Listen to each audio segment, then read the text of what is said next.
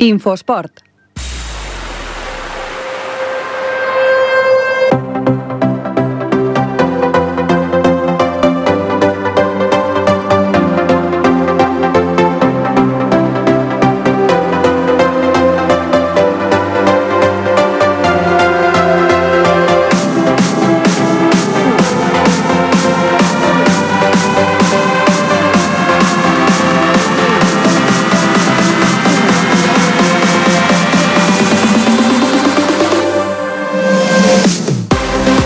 Bon dia, Ripollet, des del tercer dia de Festa Major. És un plaer estar amb vosaltres, un, una temporada més de l'equip d'Infosport i simplement començar una, una nova temporada, tot i que encara molts equips estan en pretemporada i a punt de començar. Nosaltres ja comencem, nosaltres en tenim moltes ganes i eh, aquest any amb un equip renovat, amb un equip amb un nou fitxatge, que és la Judit Martínez. Com estàs? Hola, bon dia. I els de sempre, els que no fallen, el Marc Mata, Bon dia. el Brian Calvo, com va? Bon dia, Ferran. L'Ester Catalán, Bon dia. la Mèriam Lara Bon dia. i el mestre Jordi Soteres. El mestre, sí, què tal, Ferran? Què tal a tots? Bon dia. I per desgràcia no ha pogut estar a l'Òscar Torrico. I el qui parla ara mateix, el Ferran Rigat, eh, encantats una temporada més d'estar amb vosaltres. I comencem amb aquest programa, així una mica pretemporada, amb el Brian, que ens guiarà una mica per avui. Doncs bon dia a tothom i comencem ja el nostre programa amb el que sempre ens toca, amb els resultats dels, de les diferents competicions que s'estan disputant en aquesta festa major. Per això tenim la Mèriam Lara i l'Ester Catalán. Bon dia a les dues. Bon dia, Brian. I anem primer pel bàsquet. Doncs el 3x3, els guanyadors d'aquest any han estat Carlos Blanco, Asier Camacho i Fidel Socias. El BTT, com ha anat, Mèriam? Aquest cap de setmana, amb la celebració de la Festa Major de Ripollet, s'ha disputat la cursa BTT de 10 km i de 20 km. Els resultats de la BTT 10 km són a la tercera posició, Toni Torrejón Ruiz, a la segona posició, Sergio Monge Sosa, i a la primera posició, Marcus Alarcón Carrera. I les tres primeres posicions de la BTT de 20 qui- de 20 km són a la tercera posició Toni Navas García, a la segona posició Carlos Delgado García i, a la primera posició Àlex Ca- Caballero Julián. Pel que fa al Bunkai, els resultats quins han sigut? Per una altra banda, vam tenir tot el matí de divendres un circuit d'acrobàcies i de ball per part dels esportistes del Bunkai al pavelló Joan Creus. Per últim, la 36a cursa de la popular de la Festa Major de Ripollet. Els resultats són aquests. Doncs comencem amb la cursa de 10 quilòmetres de categoria masculina. En tercer lloc, Jesús Fraile Jiménez. En segon lloc, Ernest San Romeu. I en primer lloc, Juan Manuel Álvarez Ram. La categoria femenina, en tercer lloc, Belén Hidalgo Valls. En segon lloc, Ana Riera Pla. I en primer lloc, Maria Remedios Carrasco. Després, pel que fa a la, la cursa de 5 quilòmetres, la categoria masculina, en tercer lloc han estat Faust González Díaz, segon lloc Àlex Núñez Leal i primer lloc Quim Carlos Martín. Categoria femenina, en tercer lloc Núria Puigcomas, segon lloc Jasmina Martí Francesc i en primer lloc Sandra Sánchez Doña.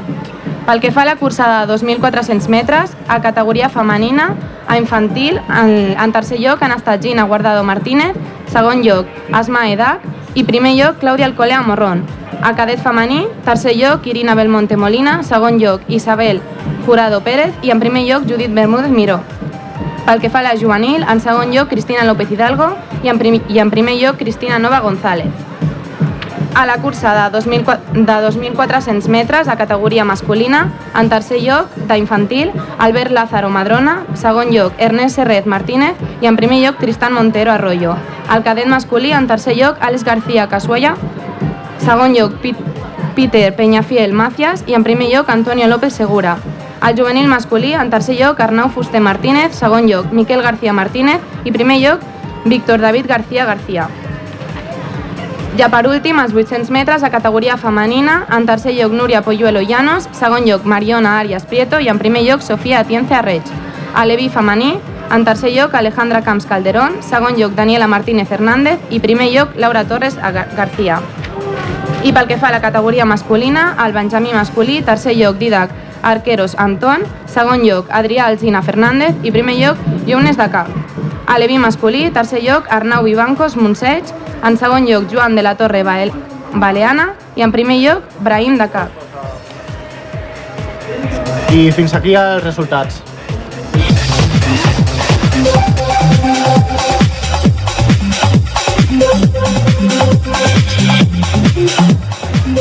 I ara donem pas al nostre company, el Marc Mata. Hola Marc, bon, bon dia. Bon dia, Brian, bon dia a tots els ripolletens.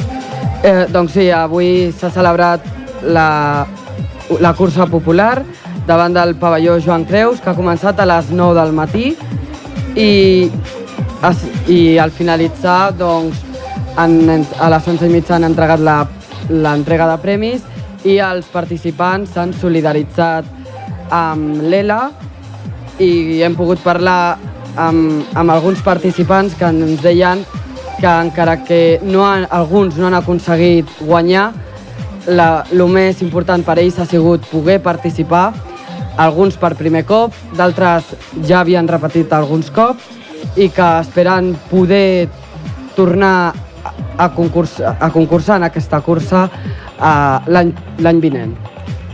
Doncs esperem que tingui millors sort el, els propers anys. Anem al, amb el futbol.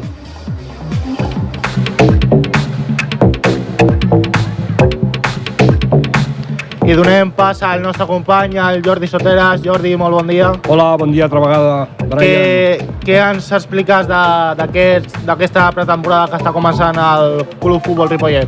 Bueno, aquesta temporada, sí, el Ripollet és un club que ha renovat molt la seva plantilla. Jo l'hi he estat veient una sèrie de vegades entrenar i l'he vist en dos partits. Té una plantilla nova, amb aspiracions de pujar. Tot és molt complicat, la veritat és que no és gens fàcil, però bueno, és un equip il·lusionant. Amb gent jove, amb un entrenador molt exigent, que segurament canviarà la forma de jugar perquè té l'experiència de l'any passat, però bueno, segur que en sortiran i segur que es veurà un bon espectacle. Concretament avui és important, hi ha un partit amb el Mollerussa, un equip que en el seu moment havia estat jugant a segona divisió. Vull dir que és un equip important i demà hi ha un partit contra el Montcada que és eh, de gran rivalitat.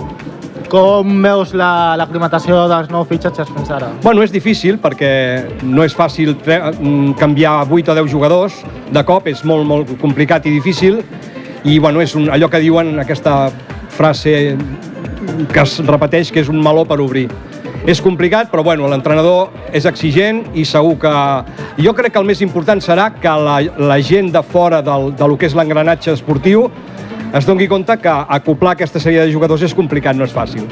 Eh? Vull dir que mm, és, és difícil, però el projecte és il·lusionant i des d'aquí el que sí que s'ha de dir i s'ha de fer menció de que la gent el vagi a veure i que tinguin suport i que sobretot torni aquell grup d'animació que va quedar força La- decepcionat l'any passat. la hinchada roja- La hinchada, ro, això, Rojinegra, rojinegra, sí, rojinegra. sí. Un grup de gent jove que volia pues, que els hi donguessin una sèrie de, de, de, de detalls com fos bufandes, eh, banderes i tal, es veu que no ho van aconseguir. L'equip tampoc va tirar, va tirar final, finalment a l'equip a la segona volta i sobretot els 8-10 últims partits no va fer una bona final de campanya i la gent es va decepcionar molt i concretament aquest grup ho va deixar estar. I aquest grup, aquests grups són importants amb clubs modestos com és el Ripollet. Vam, a nosaltres, als nostres premis d'Infosport, vam donar el premi pel que fa al Ripollet al Quim Cadafalc, un jugador que marxa del club.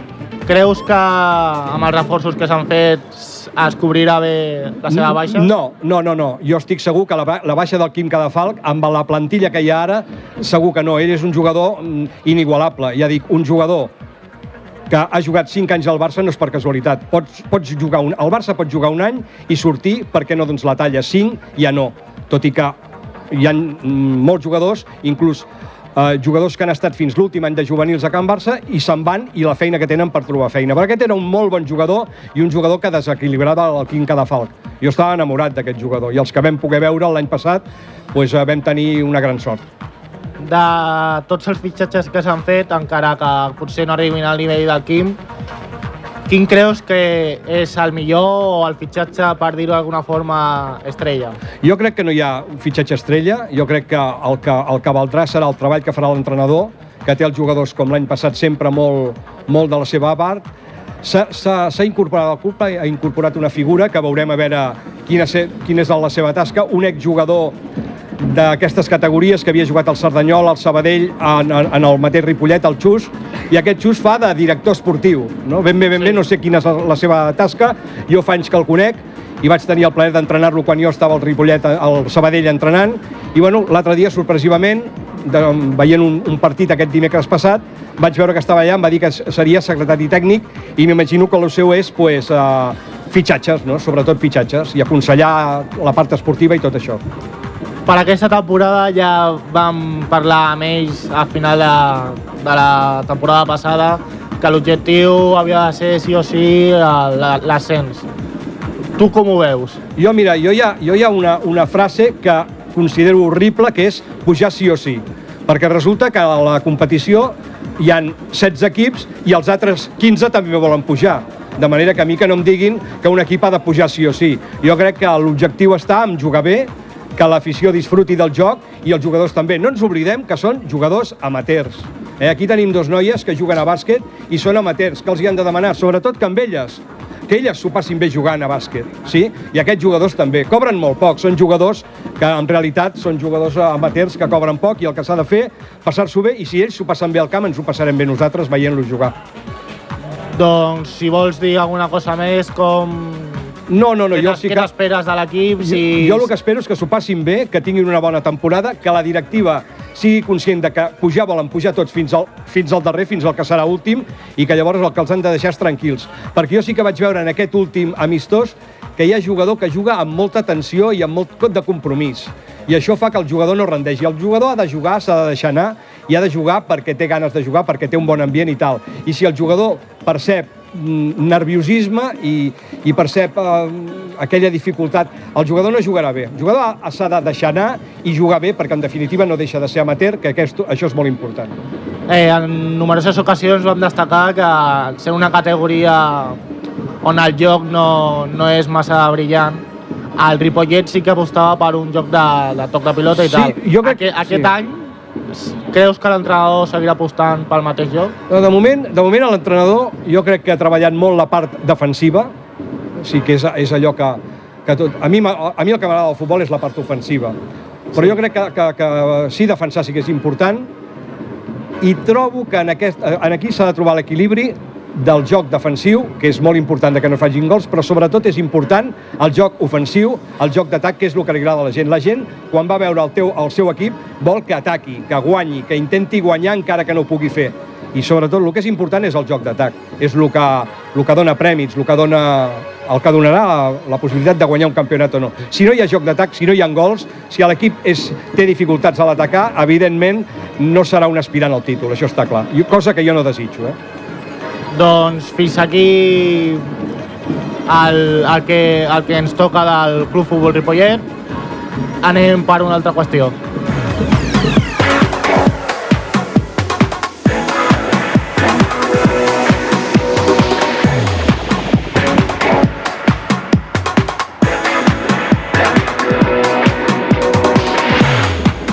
Anem per, per un esdeveniment que succeirà el proper 8 de setembre a la, ple, a la penya blaugrana de, de Ripollet.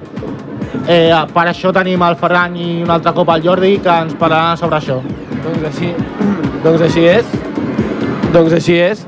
Uh, el dia 8 de setembre, el dilluns, a la penya barcelonista uh, es farà una xerrada, un col·loqui, en els qual participarà un conegut eh, exjugador i extècnic del Barça, Charlie Reixac, i un, un observador, ja també bastant gran, quasi retirat, serà el Jordi amb, amb dirà si és així o no, de, que ens faran un col·loqui sobre el futbol en general, sobretot sobre el Barça, cosa troncal de la penya barcelonista, de Ripollet, i res, què més ens pots afegir sobre tot això, Jordi? Sí, bueno, mira, en el, en el 40è aniversari de la penya barcelonista, que és aquest any, en el, transcurs del 2014, s'han fet diversos, diversos actes i entre ells hi ha un que és força important i aquí a Ripollet, cosa que costa molt portar-lo, vindrà el Charlie Reixac el dia 8, dilluns a les 7 i mitja.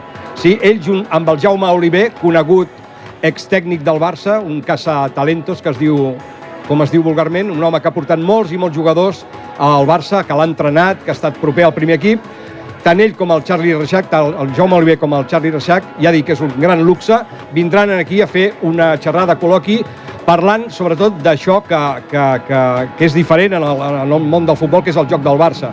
El Barça, tant els equips inferiors com el primer equip, tenen un format de joc molt determinat i volem que ens parli, com en el seu moment ho va fer el Ricard Torquemada, el periodista de TV3 i de Catalunya Ràdio fa un parell o tres d'anys, i en, aquest, en aquesta ocasió hem, hem aconseguit que pogués venir el Charlie Reixac.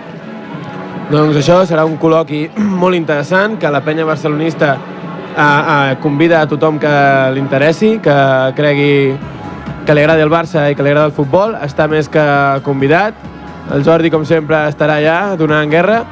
Sí, bueno, I... més que res ja no donant guerra, sinó, sinó seré el que, el, que, el que portaré a terme tota la sèrie de preguntes, ah, perquè ah. són preguntes molt, molt concretes. El joc del Barça és, és força, força complicat i força difícil d'entendre, a veure si el Charlie és capaç de, fent-se 5 cèntims. Pot anar tothom? Qui sí, pot sí, anar? pot anar tothom que vulgui i sobretot perquè jo vull que sigui un col·loqui purament tècnic i tàctic, perquè per parlar de lo que va fer quan era jove en el primer equip i si sortia amb una actriu o una cantant, a mi això no m'interessa per res, a mi el que m'interessa és el joc del Barça, perquè és dir, qui vingui, qui vingui a buscar, per almenys per part meva, un col·loqui, una, un ple de bromes i tal, no. Vull, jo vull que faci un col·loqui parlant exclusivament de futbol és una bona oportunitat per aprofitar i, i fer-li preguntes molt interessants sí, sí, sí, a un home de tant de futbol com és el Chaplin. Sí, sí, jo crec que serà força interessant, segur, segur. Li farem, ho farem venir tot d'una manera que sigui força interessant. El millor de tot és que tothom està obert a fer-li preguntes,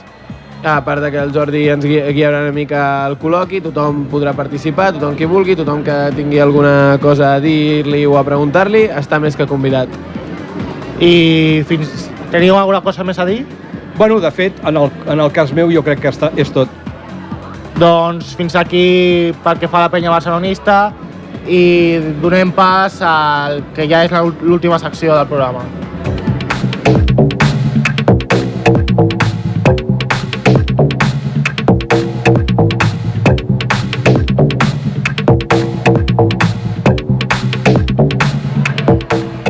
Anem pel que fa, del que falta a Festa Major, per això tenim la nostra companya que li donem la benvinguda al nostre programa, la Judit Martínez. Judit, bona, bon dia. Hola, bon dia, moltes gràcies.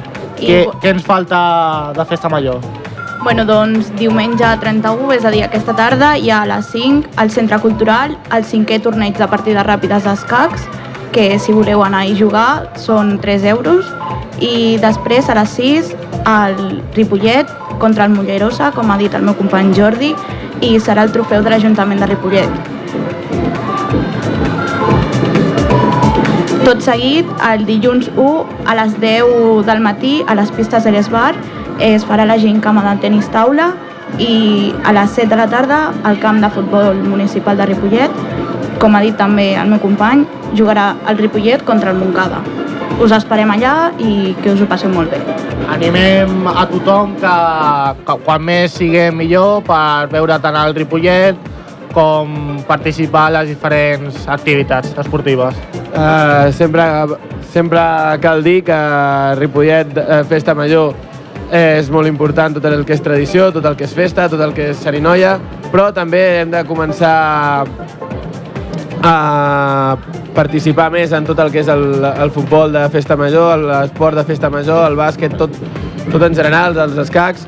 Eh, hem de participar també en l'esport i fer, des d'aquí, des d'Infosport, fem una crida de part de tots els clubs de que la gent participi, com a la cursa, que hi ha hagut una gran participació, tant de BTT com la, la carrera normal, i això, eh, animar-vos a tots a que participeu més en l'esport de festa major.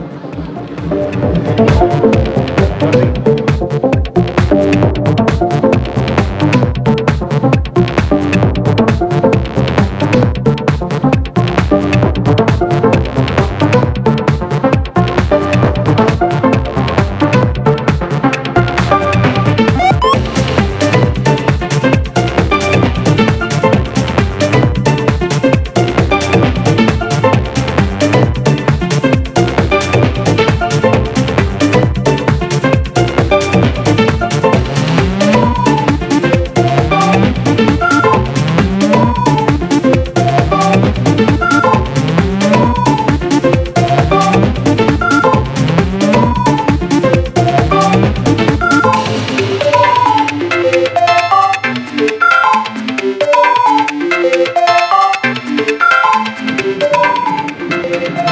pas un altre cop al nostre company, el Marc, que ens ha de dir... Què ens has de dir, Marc? Sí, jo volia preguntar-los a les nostres companyes Mèriam i Esther què esperen aquesta, aquesta pròxima temporada en el bàsquet. Doncs bueno, hi ha hagut algunes noves incorporacions a l'equip. En primer lloc ve la Mèriam del Cerdanyola i dos noies més del, Cer- del Cerdanyola, la Glòria i la Marina. I bueno, la veritat és que l'equip s'ha reforçat força, tot i que ens falten algunes pivots, que bueno, som un equip bastant petitet, però, però bueno, esperem pujar a segona perquè hem, hi ha hagut noves incorporacions importants. Seguim amb el mateix entrenador i bueno, no sé, Mèriam, tu què esperes de, de l'equip? Bueno, jo crec que l'important és gaudir del, del lloc i també que si l'any passat es van quedar en, en si- sisena posició, crec, aquest any podem, jo crec que podem pujar a segona, tenim aquest objectiu, però primer de tot és gaudir del joc i ja està. Per què has decidit canviar el Cerdanyola pel Ripollet? Bueno, ja eren molts anys al Cerdanyola i jo crec que també volia un any de jugar al meu poble amb gent que conec de tota la vida i que amb l'Ester ja havia jugat al, al Cerdanyola i tornar a jugar amb ella, doncs millor, no? I, i què t'esperes? De què, què creus que et demanarà l'entrenador? Creus que jugaràs molt, poc? A veure, jo, jo l'any passat estava a segona catalana, al Cerdanyola, i quan he, vingut, quan he vingut aquí ja estan en tercera, però no té res a veure. Jo el que, bueno, és el que em dic, que volem pujar a segona catalana, intentar-ho, i ja que hem reforçat l'equip amb una pivot que també és la Viena i amb, eh, amb el meu fitxatge i amb el de la Glòria i el de la Marina, doncs intentar gaudir del, del joc i jugar a, a, a Ripollet amb, amb el bàsquet a Ripollet. Doncs recordar als nostres oients que, que vagin a veure-les a elles també. I fins aquí aquest programa de potser pretemporada de- d'Infosport. Recordem que comencem ja la temporada de manera oficial el proper dilluns 15 de setembre, de, com sempre de 7 a 8 de la tarda. Tots els dilluns estarem amb l'actualitat esportiva de, del poble i ens, us animem un altre cop a, a que ens escolteu, que, que pugueu, us, us podeu assabentar de tot el que succeeix a l'esport ripolletenc i per la meva part res més, donar les gràcies als meus companys i ens trobem dilluns 15, recordo un altre cop, dilluns 15 de setembre de 7 a 8, l'Infosport torna un altre cop. Moltes gràcies.